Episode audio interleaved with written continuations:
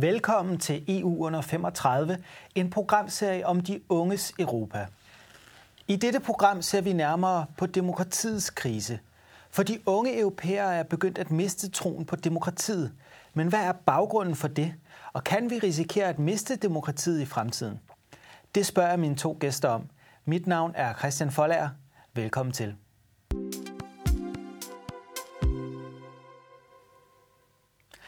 Og også velkommen til mine to gæster. Therese Scavenius, øh, lektor ved Aalborg Universitet, og Ditte Maria Brasso Sørensen, øh, skribent ved Information med mere. I har beskæftiget jer meget med demokratiets krise og nogle af de tendenser, vi ser i europæisk politik. Øh, Ditte, hvis du hurtigt skulle sætte nogle ord på det, øh, er demokratiet i krise?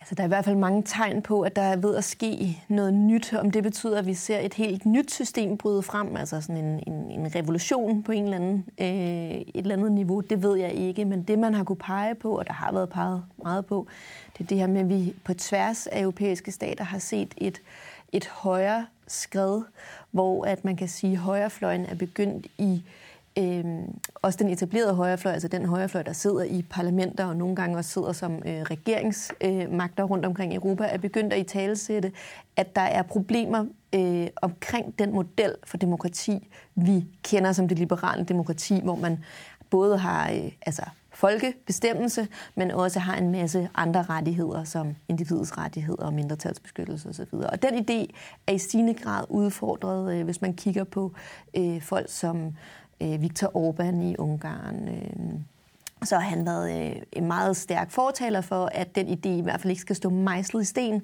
men at man godt kan udfordre selve kernen i det idékompleks, som man kalder øh, liberal demokrati. Ja, Teresa, du har også selv været øh, politisk aktiv og var folketingskandidat mm. ved det netop overståede folketingsvalg. Øh, du kom desværre ikke ind i Folketinget, men du stillede op for et af de her nye partier. Mm. Øh, ser du, at demokratiet er i krise, eller at nogle af de nye partier også en, en nødvendig fornyelse af demokratiet? Altså, jeg ser helt klart, at demokratiet er i krise, og det var faktisk også derfor, jeg stillede op. Det var ligesom et forsøg på at støtte op omkring det eksisterende parlamentariske politiske system, som jeg netop ser falde lidt fra hinanden på forskellige fronter. Øh, der er både det, der skal i Østeuropa, men der er også den øh, højre populisme, der er, men der er også den politiske falden fra hinanden inden fra systemet af. Øh, og det er jeg ret bekymret om, og det mener jeg, at vi alle sammen som borgere på en eller anden måde har et medansvar for at ligesom sørge for, at den butik, vi er en del af, overlever, så at sige. Fordi det er virkelig ikke sikkert lige i øjeblikket, at den kommer til at gøre det.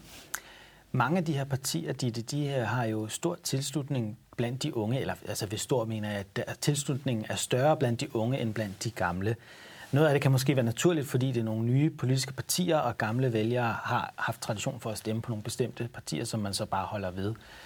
Men hvad, er der noget ved de her partier, som gør, at de tiltrækker unge øh, mennesker?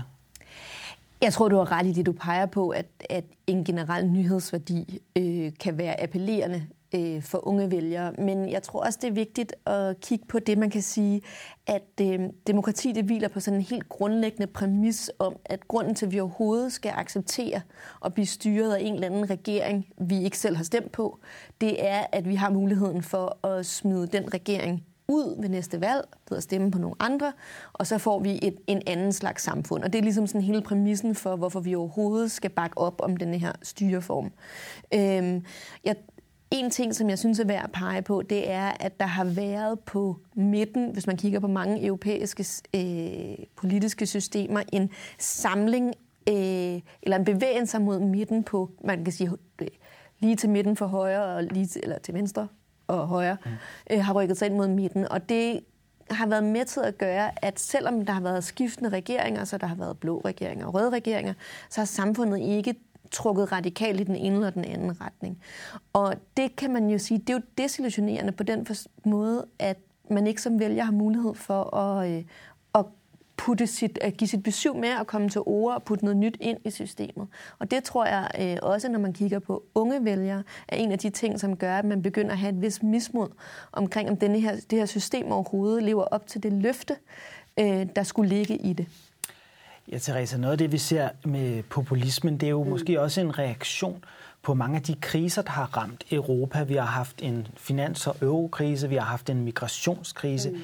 Europa har været tynget af de her kriser, og de har især også påvirket mange unge, især i Sydeuropa, hvor at man har været ramt af høj arbejdsløshed.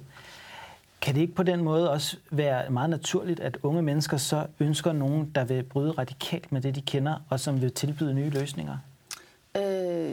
Altså man skal hele tiden huske på, hvad er årsag og virkning her. Ikke? Fordi man kan selv sige, at hvorfor har vi alle de her kriser? Det er jo, har vi jo som europæer været med til at skabe. Vi er jo ikke uansvarlige her i forhold til øh, den fattigdomskrise, der er rundt omkring i verden, den klimakrise, der er.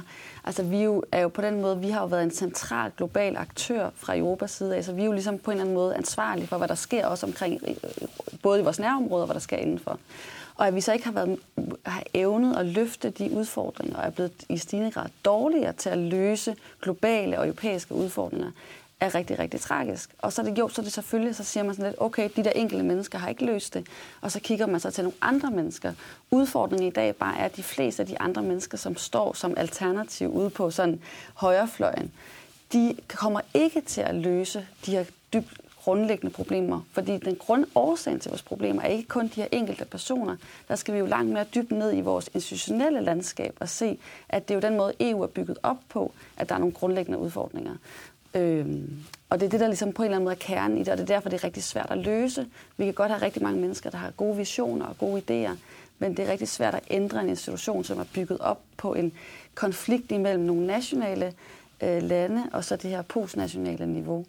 For 10 år siden var man på vej ind til at skabe det her postnationale niveau med en ny traktat, og hvis det var lykkedes, kunne man måske have fået det der, en god politisk balance mellem det sociale og økonomiske og klimapolitikken. Men i dag står vi stadigvæk meget svært, fordi at politikerne, at nogle af dem ligger på national plan, og nogle af dem ligger på europæisk plan. Så vi har nogle komplekse systemer, som kan gøre det svært at lave de ændringer, som vælgerne ønsker. Er det sådan, jeg skal forstå det? Ja. ja. ja. Så vi kan også risikere, at de her populister vil skuffe vælgerne og de unge lige så meget, som det gør de, de, de gamle partier Det kommer de til at gøre alle sammen, ja. hver gang. Er du enig i det, Ditte? Jamen, jeg er enig, øh, ja, meget enig, men øh, jeg, jeg synes, noget, der er værd at, øh, at sådan bide mærke i, det er denne her øh, manglende evne, kan man sige. Nu siger du, at øh, det er jo vores allesammens ansvar mm. og, øh, og så videre. Det er det jo i en eller anden udstrækning også. Men, men jeg synes, det er en... Øh, en, en færre refleksion, hvis man som vælger siger, ja, det er et eller andet, en eller anden udstrækning vores allesammens ansvar, men vores system er nu bygget sådan op, at vi vælger nogen til at tage sig af det. Og det har de ikke formået. Så man kan sige, nu pegede du på, at der har været kriser, ikke? der har været finanskriser og eurokriser osv. Øhm, hvis man ser på tilliden til politikerne, så er den jo nærmest sådan den er jo gået stødt mod bunden siden 2008.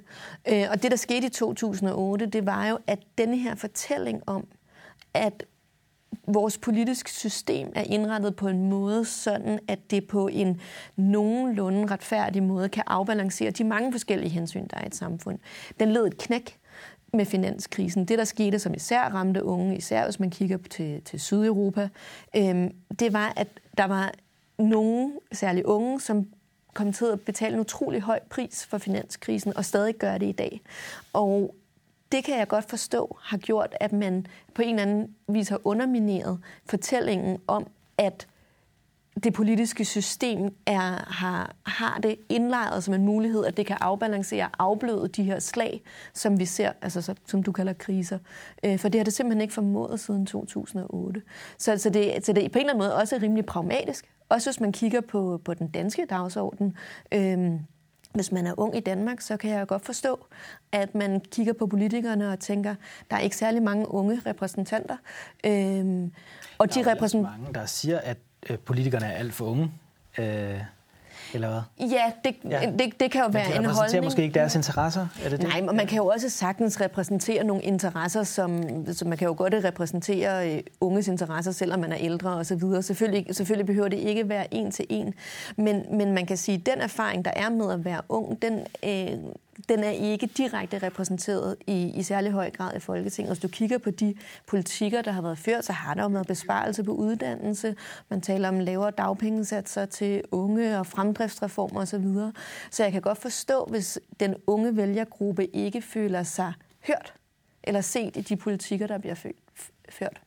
Ja, Therese. Og for at supplere med det, er det jo også noget at sige, altså hvem er de der politikere egentlig, de etablerede politikere, både på national og europæisk plan, fordi at hvis vi hedder stedet og snakker om, at det handler om, at det er demokrati, og derfor skal de repræsentere de unges og borgernes interesser og ønsker osv.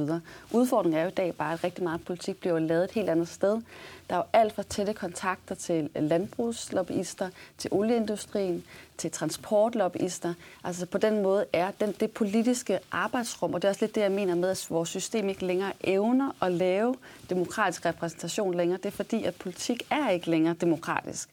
På den politik, vi laver i dag, er noget, som hvad hedder det, øh, bilbranchen ønsker, oliebranchen ønsker, landbrugssektoren ønsker.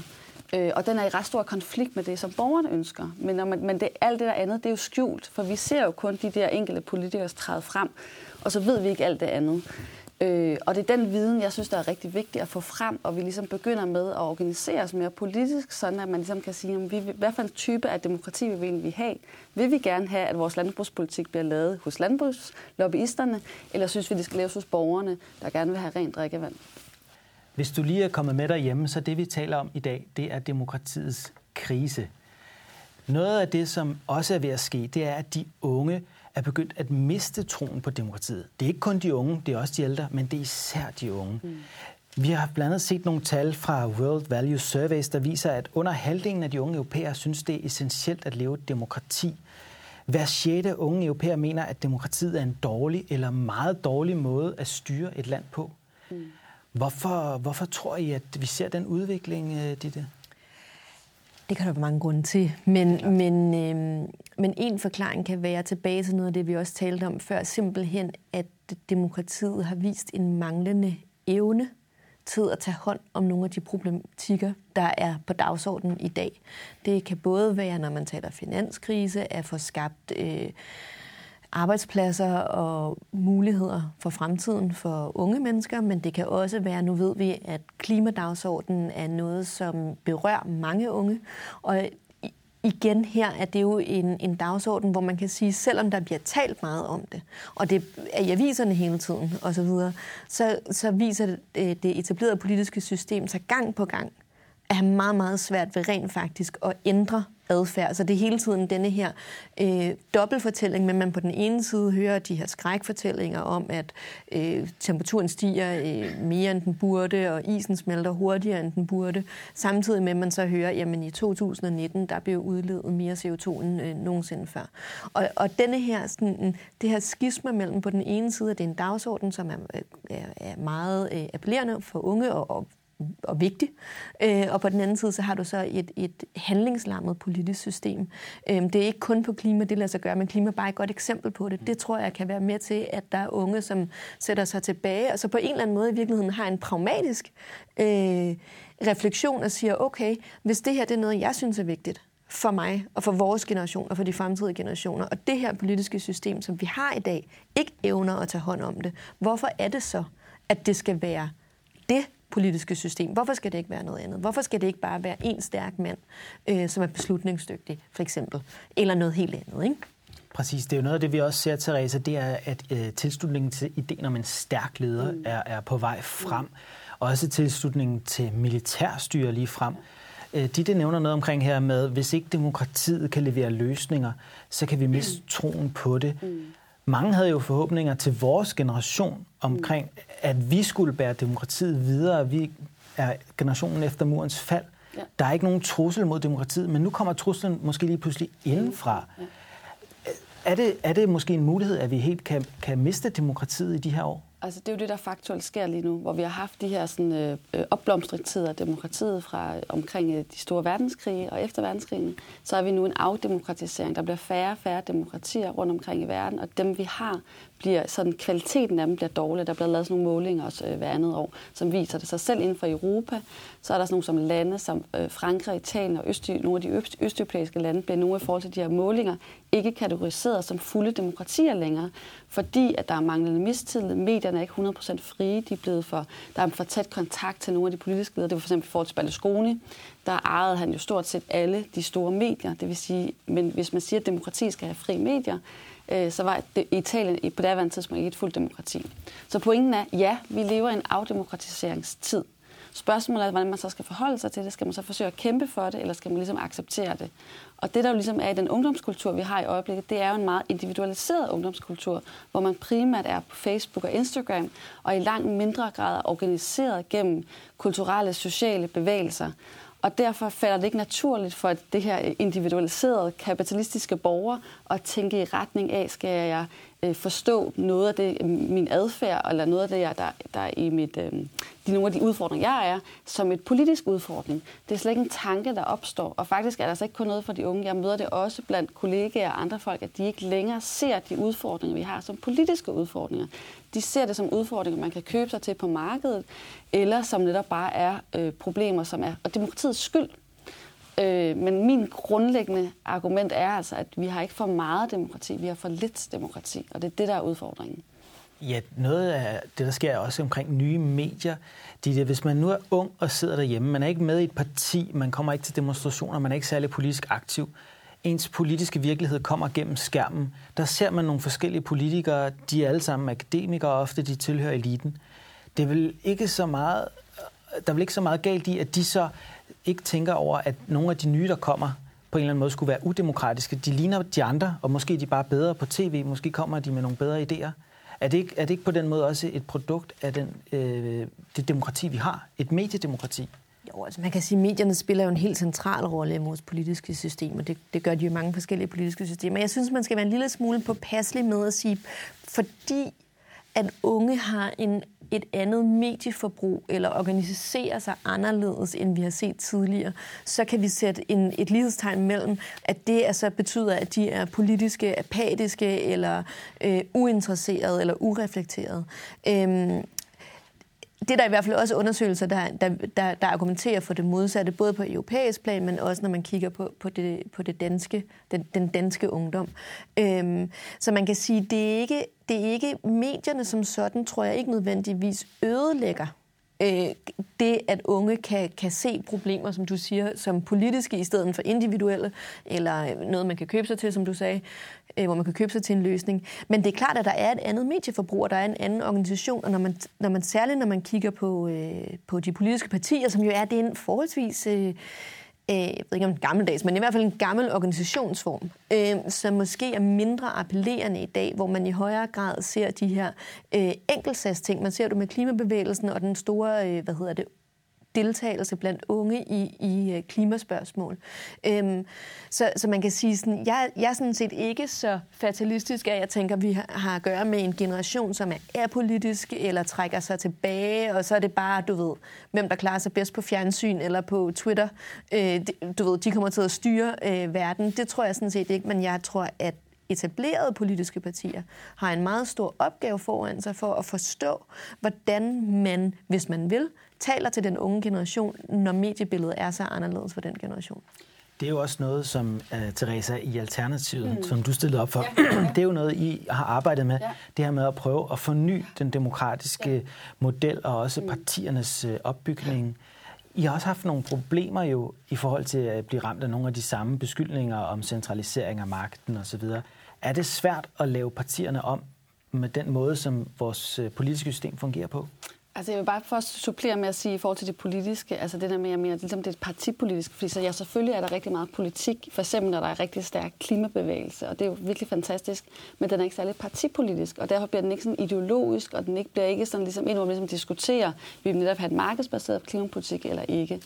Og nu kan man sige, nu er jeg meldt mig ind i øh, Alternativet, og jeg synes, det har været ret interessant også som, som demokratiforsker, og lige pludselig at få indblik i, hvad er et parti overhovedet? For vi har siddet på statskundskab øh, og på universitetet og forstået, hvad er det demokrati på en meget abstrakt plan. Men det der med faktisk at forstå, at det handler om kaffemøder og handler om forskellige ting og politikudvikling og alle mulige ret fantastiske ting, har været sådan en kæmpe ejeåbner for mig. Og jeg synes, det har været ret en fantastisk oplevelse. Øh, og Alternativet har sådan forsøgt at gennemtænke og nytænke på alle mulige punkter, hvordan man ligesom kan øh, gøre det sjovere og være mere interessant at være en del af den politiske udvikling. Øh, men som og har også opbygget ret hurtigt, det er faktisk ret imponerende, at opbygge en kæmpe organisation på bare fem år, som faktisk findes derude. Der er lokalforeninger, og det er ret imponerende i forhold til mange af de andre partier, har brugt 100 år eller 50 år på at bygge deres organisationer op. Øh, og når man er sådan en institutionalist som mig, så synes jeg, det er ret fascinerende, at det lykkedes At der så er rigtig mange udfordringer i forhold til mediekultur og alle mulige andre ting, øh, som har været svære for Alternativet at håndtere, vidner jo bare om, at det er svært at lave nye øh, organisationer, nye bevægelser inden for det eksisterende paradigme, fordi man jo selv er udfordret. Altså det er jo igen det der med Alternativet, er jo ikke noget andet end resten af samfundet. De er udfordret af de samme ting som det ret resterende samfund, og så kan man kæmpe indenfra eller udefra, men det er den samme udfordring, vi ser afspejlet der også. Ditte, øh, en anden ting omkring de unge, der er jo noget med at få dem ind men dem, der er med i politik og unge, det er ofte nogle, de har meget til fælles. De er akademikere, de kommer fra samme sociale lag ofte. Det er meget elitært, kunne man sige. Har de politiske partier også svigtet de unge i forhold til, hvem de rekrutterer ind? Er de for dårlige til at åbne op over for mange forskellige typer af unge? Ja, det, altså den problematik omkring, man kan sige, profession, altså det, at politik er blevet gjort mere professionelt. Øh, det er jo en problematik, som går på tværs af alle aldersgrupper i og for sig. Det er jo ikke kun blandt de unge, der sidder djøffer i partierne, det gør der også blandt de ældre. Og den problematik er væsentlig, helt bestemt. Og det er noget, som partierne øh, bør, mener jeg, forsøge at tage hånd om. Øh, igen, så kan man jo godt, som du også peger på, sige, vi er en, øh, en, en ideologisk organisation. Og vi øh, repræsenterer en ideologi og sådan et helhedsblik på samfundet, mm. som burde tale til alle dem, der deler holdninger med os, lige meget om de så er øh, højtuddannede eller lavtuddannede, øh, øh eller hvilken tilknytning til arbejdsmarkedet de har, osv. osv. eller eller. Men, men, øh, og det er en holdning. Men, og den anden holdning er den helt, man kan sige, rabiat, hvor man kan sige, det er en til en, at man kan ligesom kun repræsentere den egen livserfaring, man har. Så der skal være kvinder, der skal være unge, og der skal være gamle og, og arbejdsløse osv. Og, og sandheden ligger nok et eller andet sted imellem. Men, men, men jeg er den overbevisning, at det er væsentligt at få forskellige erfaringer ind i Folketinget. Ikke sådan et eller andet øh, en til en, for hvad, hvad vil det betyde? Ikke? Altså, men, men, men at man i hvert fald som politisk parti tænker over, at det kan være øh, svært at vide præcis, hvad det vil sige at have et netarbejde, hvis man aldrig har prøvet det. Øhm, men jeg, jeg har aldrig haft et arbejde. Eller aldrig haft et arbejde. Men, men jeg tænker, det som øh, får at byde fast i noget, som, som du også sagde, for nu taler vi meget om det her med sådan, øh, unge har et andet medieforbrug, og øh, hvad hedder det, og, det, og det, det bør partierne på en eller anden måde kunne tale ind til. Alternativet et godt eksempel på en, en organisation, som har forsøgt, som du sagde, at gøre det sjovere, øh, at ja. være med i politik, ikke? altså gøre det tiltalende til, til grupper, som normalt ikke er med i politik. Men jeg synes, det spændende er jo så den balancegang, som Alternativet også er et udtryk for, hvor man kan sige, der er jo så også et krav at stille til de unge og sige, jamen øh, okay, I laver, øh, I boykotter skolen øh, en dag om ugen for, for at skabe opmærksomhed omkring klimadagsordenen, eller hvad det nu er. Men på et eller andet tidspunkt, så bliver man også nødt til at sige, der er nogle spilleregler, der er nogle beslutningsprocedurer, politik bliver lavet på en særlig måde, lovgivning bliver lavet på en særlig måde, og det gør det altså inden for det repræsentative demokrati, som det ser ud i dag. Så hvis man vil gøre sin stemme hørt, så skal man også på et eller andet tidspunkt sige, okay, okay, så gør jeg det, som det kræver, melder mig ind i et parti og deltager og prøver på at blive valgt.